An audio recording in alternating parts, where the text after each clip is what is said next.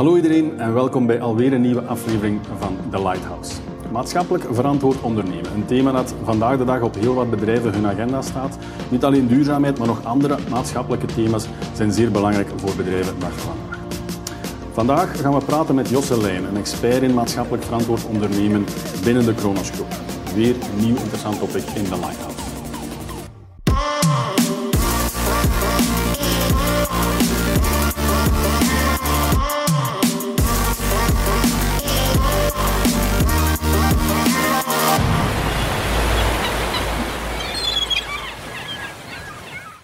Dag Josselijn. Dag Jochen. Welkom in de Lighthouse. Dank u. Leuk hier. Ja, vind je het mooi? Ja, echt super tof. Ja, heel gezellig. Josselijn, jij werkt voor de Kronos Groep, Ja. onder andere. Jij bent een expert in maatschappelijk verantwoord ondernemen. Ja, dank u. Wat is nu maatschappelijk verantwoord ondernemen? Vertel me dat eens.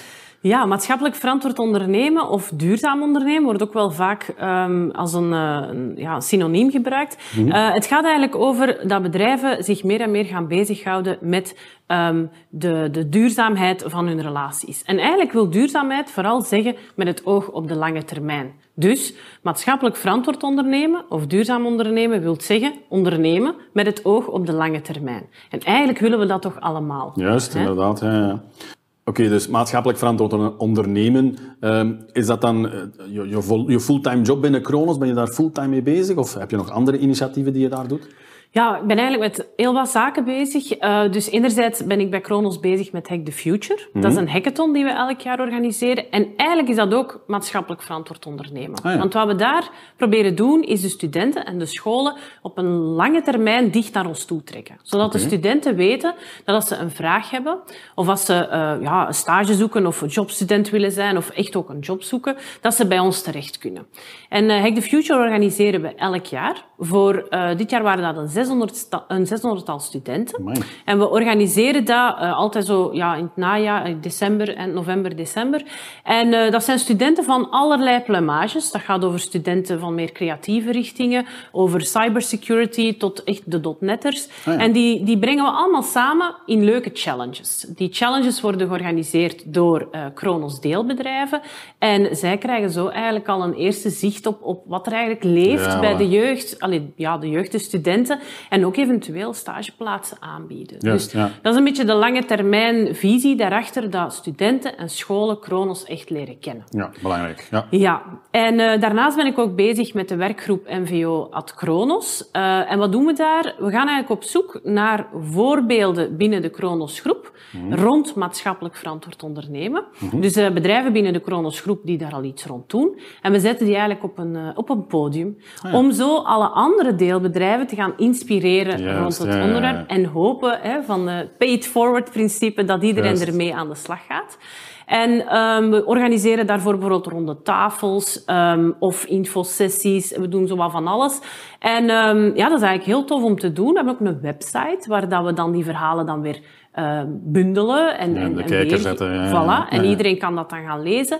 Dus dat proberen we zoveel mogelijk iedereen te inspireren rond het topic. Ah, ja. Dus dat is eh, de tweede zaak wat ik doe. En daarnaast heb ik dan eh, buiten Kronos ook nog mijn eigen bedrijf, waarbij ik eh, duurzaam ondernemen bij bedrijven ehm, ja, in het beleid probeer te verankeren. Ja, ja, ja, oké, prima.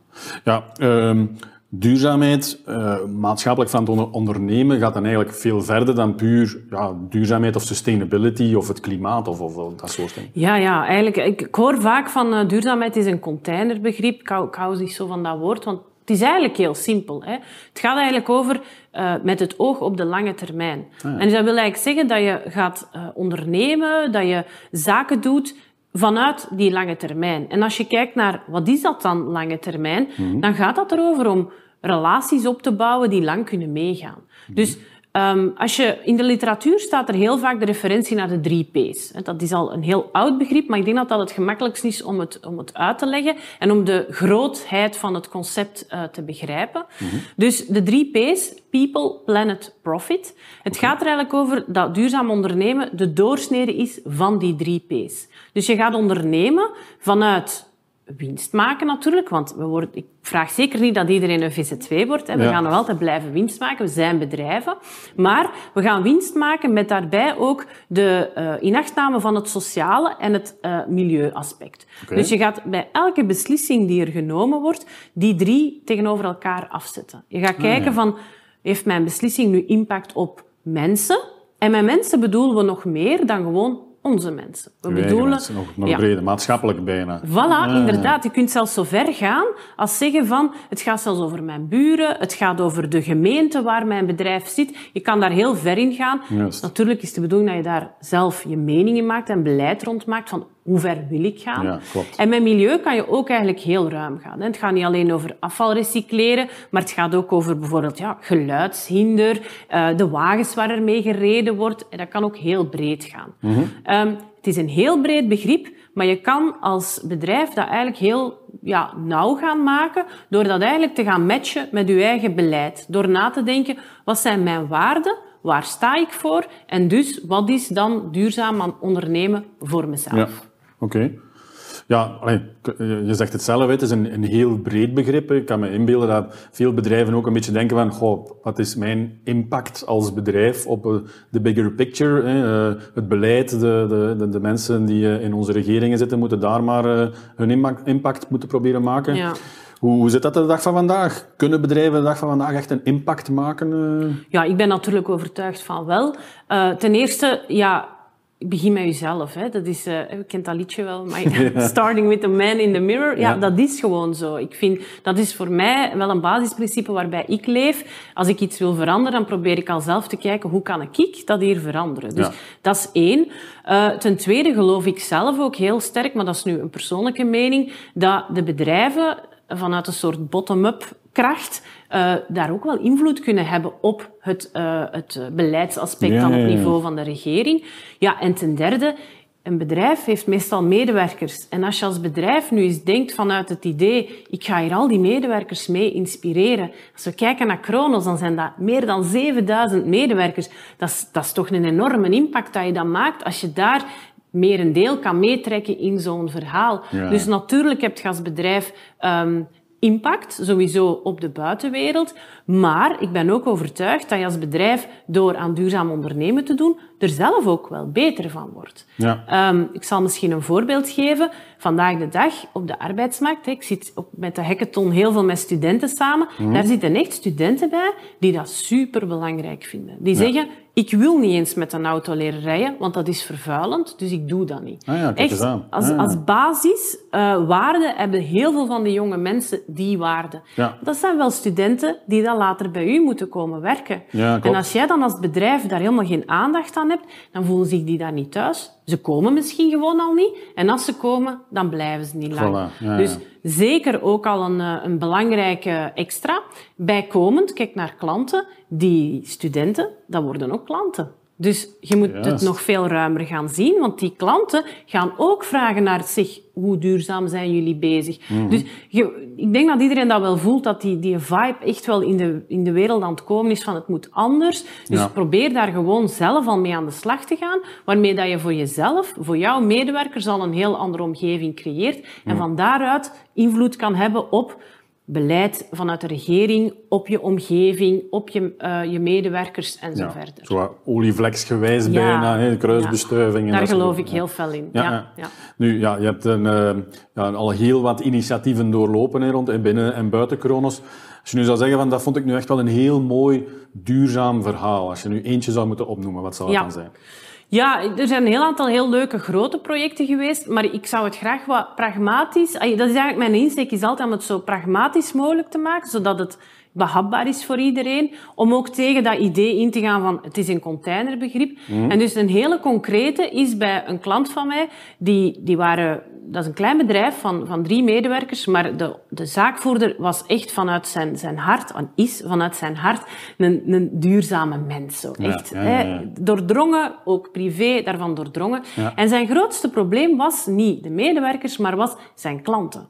Want uh, hij komt bij zijn klanten, hij schrijft uh, handleidingen, technische handleidingen voor machines, uh, En voor ja, software ook wel, maar voor mhm. van alles. En hij komt bij klanten waarbij dat bijvoorbeeld een machine als hij daar een handleiding van schrijft, dat hij merkt van, tja, dat is er toch niet zo veilig. Hij kaart dat aan en hij krijgt dan de reactie van, ja, maar jij moet gewoon maar die handleiding schrijven. en dat voelde voor hem helemaal niet de juiste insteek. En hij wou dat anders en op een andere manier. Dus zijn wij samen aan de slag gegaan met het team, hè, dus met de medewerkers, en hebben wij dat eens uitgeschreven van, waar staan wij voor? Wat wil dat dus zeggen in onze relatie naar u als klant. Maar wat wil dat ook zeggen in ons werk? Dat wil zeggen dat wij niet um, zomaar eender gaan documenteren en dat wij het recht hebben om op een bepaald moment te zeggen van hola, dat is hier niet juist, we doen daar niet aan mee. Ah, ja. En dat hebben we in een charter gegoten, ah, een, een echte duurzaamheidscharter. En dat hangt nu aan zijn offertes, aan zijn contracten, zodat hij al heel duidelijk aan zijn klanten kan laten zien hier sta ik voor, dat is wat ik wil doen. En als jij daar niet mee akkoord kan gaan, dan gaan we beter niet in zee met elkaar. Oh ja, mooi, en dat is superkrachtig. Ja. Natuurlijk is dat moeilijk voor een bedrijf van drie man, want ja, je sluit zo misschien al wel klanten uit. Maar hij heeft wel zelf door, en ik ben daar zelf ook van overtuigd, dat als dat van in het begin al een issue is dat daar een duurzaamheidscharter aan zit, dan is dat niet de juiste klant. En dan ga je daar op lange termijn toch geen relatie mee kunnen opbouwen. Ja. Integendeel, waarschijnlijk heel wat miserie mee hebben. Ja, dus vandaar, dat hebben, we, um, dat hebben we uitgewerkt. Dat vind ik toch wel een mooi en heel concreet voorbeeld, denk ik, van hoe je daarmee aan de slag kan gaan. Ja, ja absoluut, absoluut. Ja, heel mooi voorbeeld inderdaad. Hè. Nu, goed, ja, je hebt me overtuigd. Hè. Ik uh, ben een bedrijfsleider en ik, uh, ik weet dat ik iets moet gaan doen. Ik voel dat ik iets uh, meer moet gaan doen aan mijn duurzaamheid, aan mijn maatschappelijk verantwoord ondernemen. Hoe begin ik daaraan? Ja, dat is eh, een, eh, een moeilijke vraag. Allee, een, een, vraag die ik heel veel krijg. Um, eigenlijk begint het met wat ik daar juist zei, dat je toch een beetje in kaart moet hebben van wat dan jouw visie daarop is. Hmm. Waarom ga je dat doen? Hè? Hmm. Waar sta je als bedrijf vandaag voor? En wat zou die duurzaamheid of dat duurzaam ondernemen jou dan brengen als bedrijf? Hè?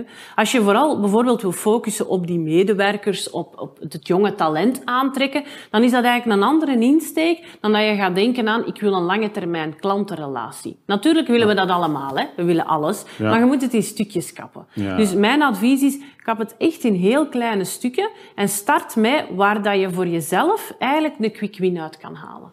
Want een quick win, dat is een heel klein effort, kleine inspanning om een groot resultaat te bereiken. Juist, Wat kan dat zijn?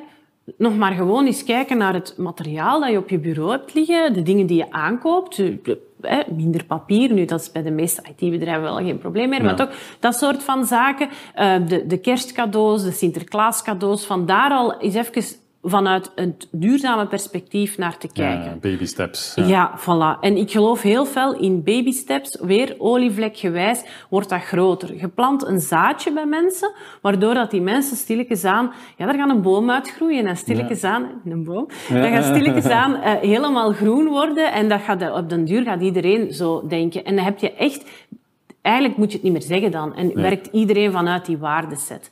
Dat neemt natuurlijk wat tijd, hè. Uh, maar, maar dat zou mijn, mijn advies zijn. Um, waarbij dat je dan eigenlijk ja, heel goed nadenkt. Een extra tip daarbij is misschien wel Zorg dat het ook wel gedragen wordt vanuit je bedrijf. Dus probeer daar wel medewerkers bij te betrekken. Juist, ja, Als het een bedrijf is van, van, van vijf à tien man, dan pakken wij gewoon iedereen mee. en dat is super tof om te doen ook. Medewerkers voelen zich betrokken. En je maakt ook een gedragen beleid. Klopt, ja, maar ambassadeurs zoeken. Voilà, inderdaad. Maar als dat nu een groter bedrijf is, dan kan je wat afgevaardigden zoeken. En dat is superkrachtig, want dan is het niet jij als zaakvoerder die komt zeggen, we gaan wat doen. Voilà. Dan zitten we weer in die bottom-up approach. En dan aan het koffiemachine wordt er al eens over gepraat. en, en, weer opnieuw olievlekgewijs. Ik geloof daar enorm in. Dat is denk ik de aanpak. Um, kleine stappen, quick wins en betrek zoveel mogelijk je medewerkers. Ja, een soort besmetting proberen te... Hè? Dat is heel relevant. Ja, de, de, juiste besmetting, de juiste proberen, besmetting, proberen te creëren in je Inderdaad, ja. ja. Zoals ik het hoor, eigenlijk geen uh, excuses meer om effectief de dag van vandaag op een goede manier te beginnen, op zijn minst al, met maatschappelijk verantwoord ondernemen. Inderdaad. Jocelyn, super eh, bedankt. Eh, heel heldere uitleg en uh, veel succes nog met MVO uit Kronos. Bedankt dat ik hier mocht zijn. Graag gedaan.